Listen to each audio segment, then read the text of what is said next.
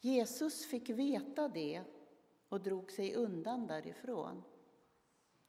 Många följde med honom och han botade alla och förbjöd dem strängt att avslöja vem han var. För att det som sagts genom profeten Jesaja skulle uppfyllas.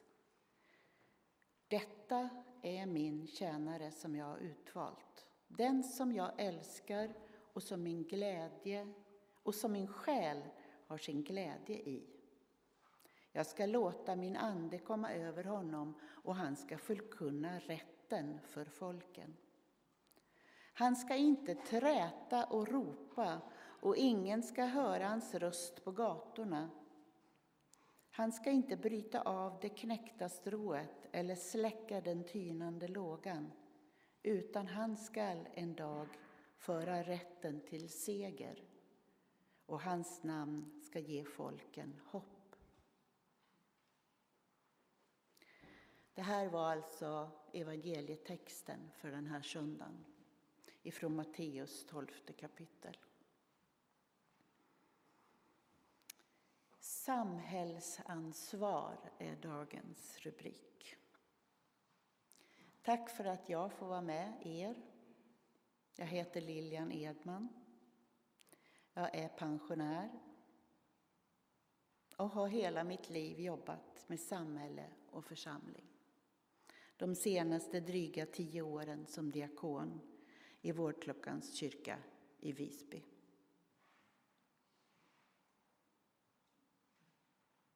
Vad är ansvar? Vad är samhället? När jag slår på ansvar så står det att det är skyldighet att göra något. Eller skyldighet att stå till svars för något som man har gjort. Eller kanske inte gjort. Det handlar alltså om att ta konsekvensen. Och så funderar vi på vad är samhället då? Ibland säger vi där ute i verkligheten någonstans. Verkligheten där borta. Det liv som pågår där borta någonstans. Mitt liv är en del av verkligheten. Var och en har vi vår verklighet som är vårt liv. För att ta ansvar för varandra så måste vi dela våra verkligheter på något sätt. Att intressera sig för varandras verklighet är en del. Min verklighet just nu är att jag ganska nyligen har blivit pensionär. Nu har vi sagt det tre gånger. Eh, min verklighet är att eh, jag märker att jag ser inte lika bra som förut. Jag hör inte lika bra som förut. Min verklighet är att eh, jag och min man är ganska mycket hemma. Att vi har en, eh, ett par hundar som ser till att vi kommer ut. Eh, vi har barn och barnbarn lite här och där som vi håller kontakt med och försöker göra något för ibland. Det är just vår verklighet, min verklighet, just nu. För 10 år sedan, 20 år sedan var det någonting helt annat. Din verklighet är säkert någonting helt annat. Du har kanske små barn. Eller du har kanske kommit hit till Sverige långt bort ifrån.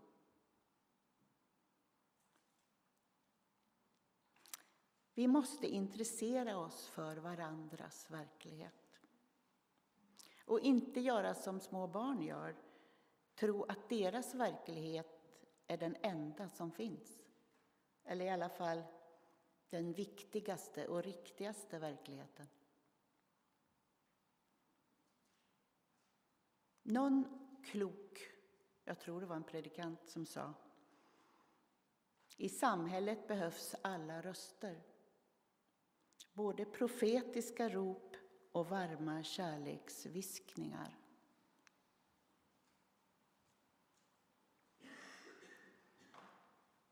Det finns en verklighet här hos oss, i vår kyrka och i vår församling. Och det finns en verklighet utanför kyrkan. Det finns en verklighet här hos oss i Sverige och det finns en verklighet utanför vårt land. Det finns en verklighet bland oss människor och det finns en verklighet utanför det mänskliga. Bland djur, natur, klimat och miljö. Det finns en verklighet som vi ser och den vi inte så lätt ser eller inte vill se. Det finns många verkligheter. Det finns många världar och det finns många olika liv. Jesus säger i Galaterbrevet Därför är ingen längre jude eller grek, slav eller fri, man eller kvinna. Alla är ni ett i Kristus.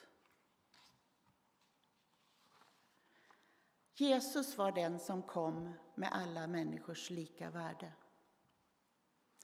Jesus införde mänskliga rättigheter. Jesus, innan Jesus så delades människor in i grupper och kategorier. Slav eller fri, man eller kvinna, rik eller fattig. Jesus gjorde ett slut på det. Tyvärr är genomförandet inte klart än. Vi jobbar på det. Det verkar ta tid. Alla människors lika värde, mänskliga rättigheter, jämlikhet, jämställdhet, rättvisa, samhällsansvar handlar om Guds bild och människosyn. Vilken Gud tror vi på? Jag tror på allas Gud. En Gud som ser alla som lika mycket värda. En Gud som inte gör skillnad på människa och människa. En Gud som inte ställer någon framför en annan. Inte ens påven. Inte ens Ulf. Alla står vi på samma rad. Gud gör heller inte skillnad på om människan förstår hans storhet eller inte.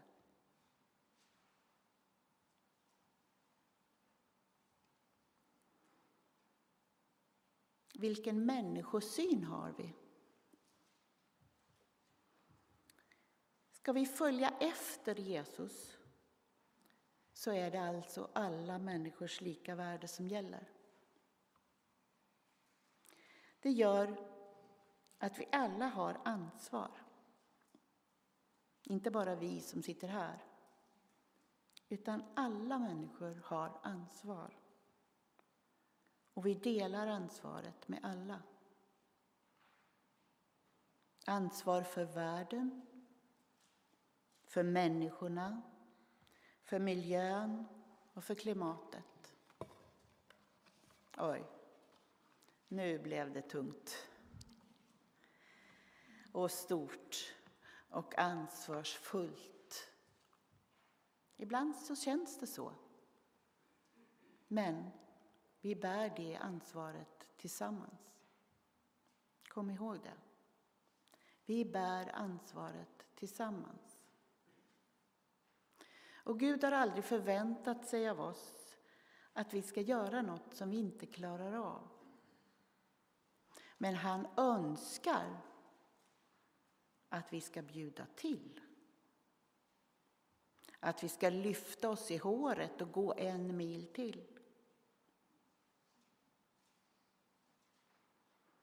Ingen uppgift, ingen kallelse, inget ansvar är heller större än det andra. Om du nu sitter i en politisk församling, jag tänker att du kanske sitter i regeringen eller riksdagen eller så. Då har du en stor uppgift i våra ögon. Men den är inte större än den vi andra har i Guds ögon.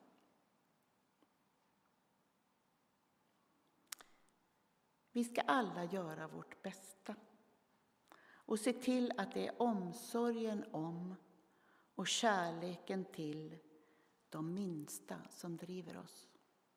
Inget annat. Se på det ansvar som du har och gör det med omsorgen om din nästa för ögonen. Jag vet, jag har själv upplevt, att det finns de som sätter sin kallelse, det som vi brukar mena med kallelse, före och i första hand och glömmer annat, till exempel sin familj. Det har Gud aldrig tänkt. Fötterna måste vara kvar på jorden oavsett uppdrag eller kallelse. Inget är finare eller viktigare än det andra. En församling är ju en väldigt bra plats på att praktisera detta. Att alla uppdrag är lika viktiga. Där församlingens uppdrag är ett arbetslag där varje uppgift uppskattas och värderas lika. Vem kör till återvinningen? Vem bokför och fakturerar? Hur skulle församlingen rulla utan det? Men nu är ju inte vårt ansvar enbart innanför kyrkans väggar. Även om det är viktigt att vara ett gott exempel. Det känns alldeles speciellt viktigt nu att vara det. Hur får vi ett samhälle där alla får höra till? Där alla får ett värde och då också får och tar ansvar. Jag tror att den kriminalitet vi har idag beror på många saker, men bland annat att unga människor inte lärt sig att det de säger och tycker betyder något. De har inget att säga till om. Att de därför inte heller ser någon anledning att ta ansvar. Alla som har med unga människor att göra, skolan, kyrkan, alla fritidsaktiviteter, behöver utbilda barn och unga i att tycka, att ha åsikter, att framföra dem och att se, de får se att de kan göra skillnad. Då kommer ansvaret med på posten. Hälsa i alla era barn och barnbarn när ni kommer hem. Att vi andra väntar på deras insatser för världen.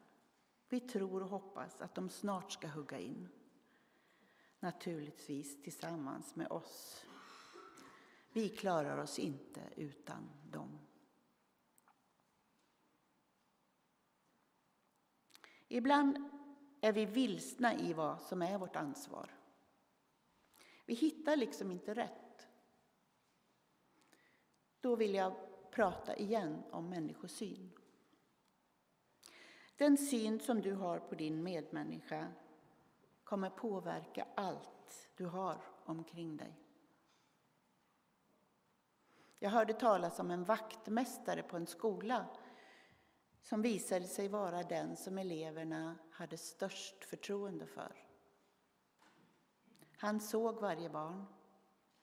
Han log. Han hade en famn för alla som behövde. Han hade inga stora ord. Han hade inga projektplaner. Han hade inga stora bidrag.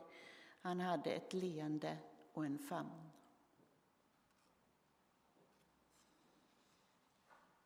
Tillbaka till samhällsansvaret. För det första är det ju inte bara idag vi pratar om det. Det är inte bara en söndag i kyrkoåret. Det är varje dag. Varje dag handlar om vårt ansvar för andra och för varandra. Vi har fattigdom i Sverige idag. Familjer står i kö för att få matkassa hos Stadsmissionen.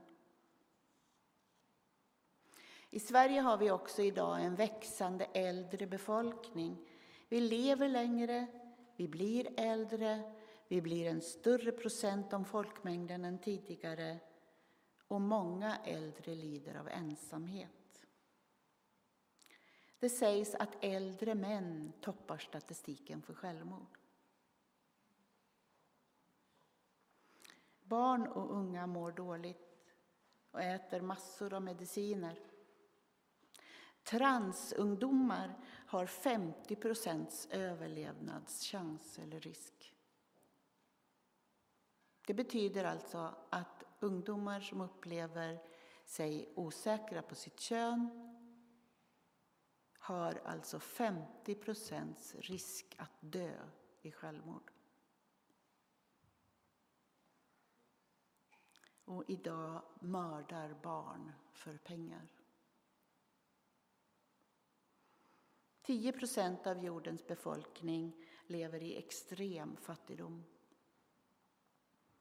Vi har krig i Europa och på flera andra ställen och barnen drabbas ju alltid värst av krig. Så här skulle vi kunna stå länge och räkna upp saker vi behöver ta tag i. Men då har vi knappt ens lämt vad vi har gjort när vi har missbrukat jorden. Suck. Men kom ihåg dig själv. Kom ihåg dina närmaste och att din verklighet är en del av den stora helheten. Intressera dig för andras verkligheter, nära och längre bort. Låt din gudsbild och din människosyn prägla hur du möter människor. Och kom ihåg att förändra världen, det gör vi tillsammans.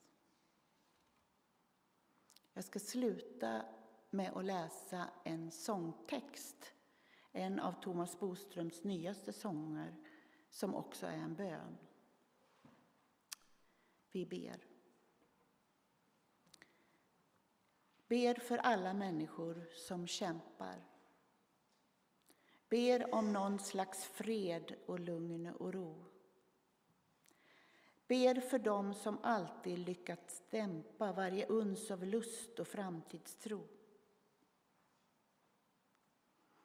Ber för alla krympta glaciärer. Ber för vårt klimat och våra liv. Ber för dem som tror att karriär är enda vägen till en inre frid. Ber för alla människor som tystnat. Ber för dem som alltid syns och hörs. Ber för dem som ändå vågar lyssna till en röst i vinden, de som törs. Ber för alla dem som tar sig rätten. Ber för dem som dömer och fördöms. Ber för varje gråt på toaletten där en liten människa står gömd. Ber för alla dem som tror sig veta. Ber för dem som tvivlar på all tro. Ber för dem som suttit där med Greta i protest mot maktens övermod.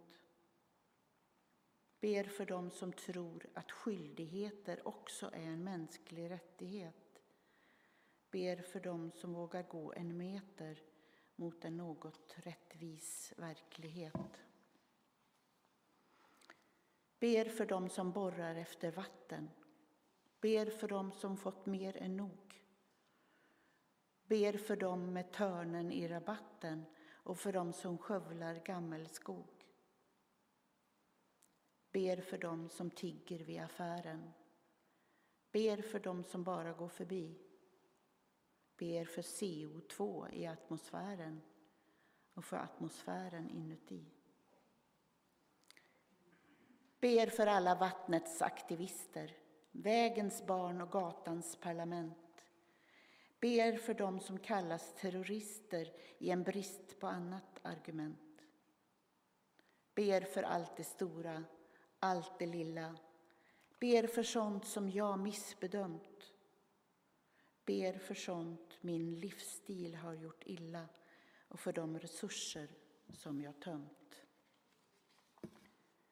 Ber för alla broar som nu brinner och för alla löften som vi svek. Ber för dem som tror att våldet vinner och för barn som tror det är en lek.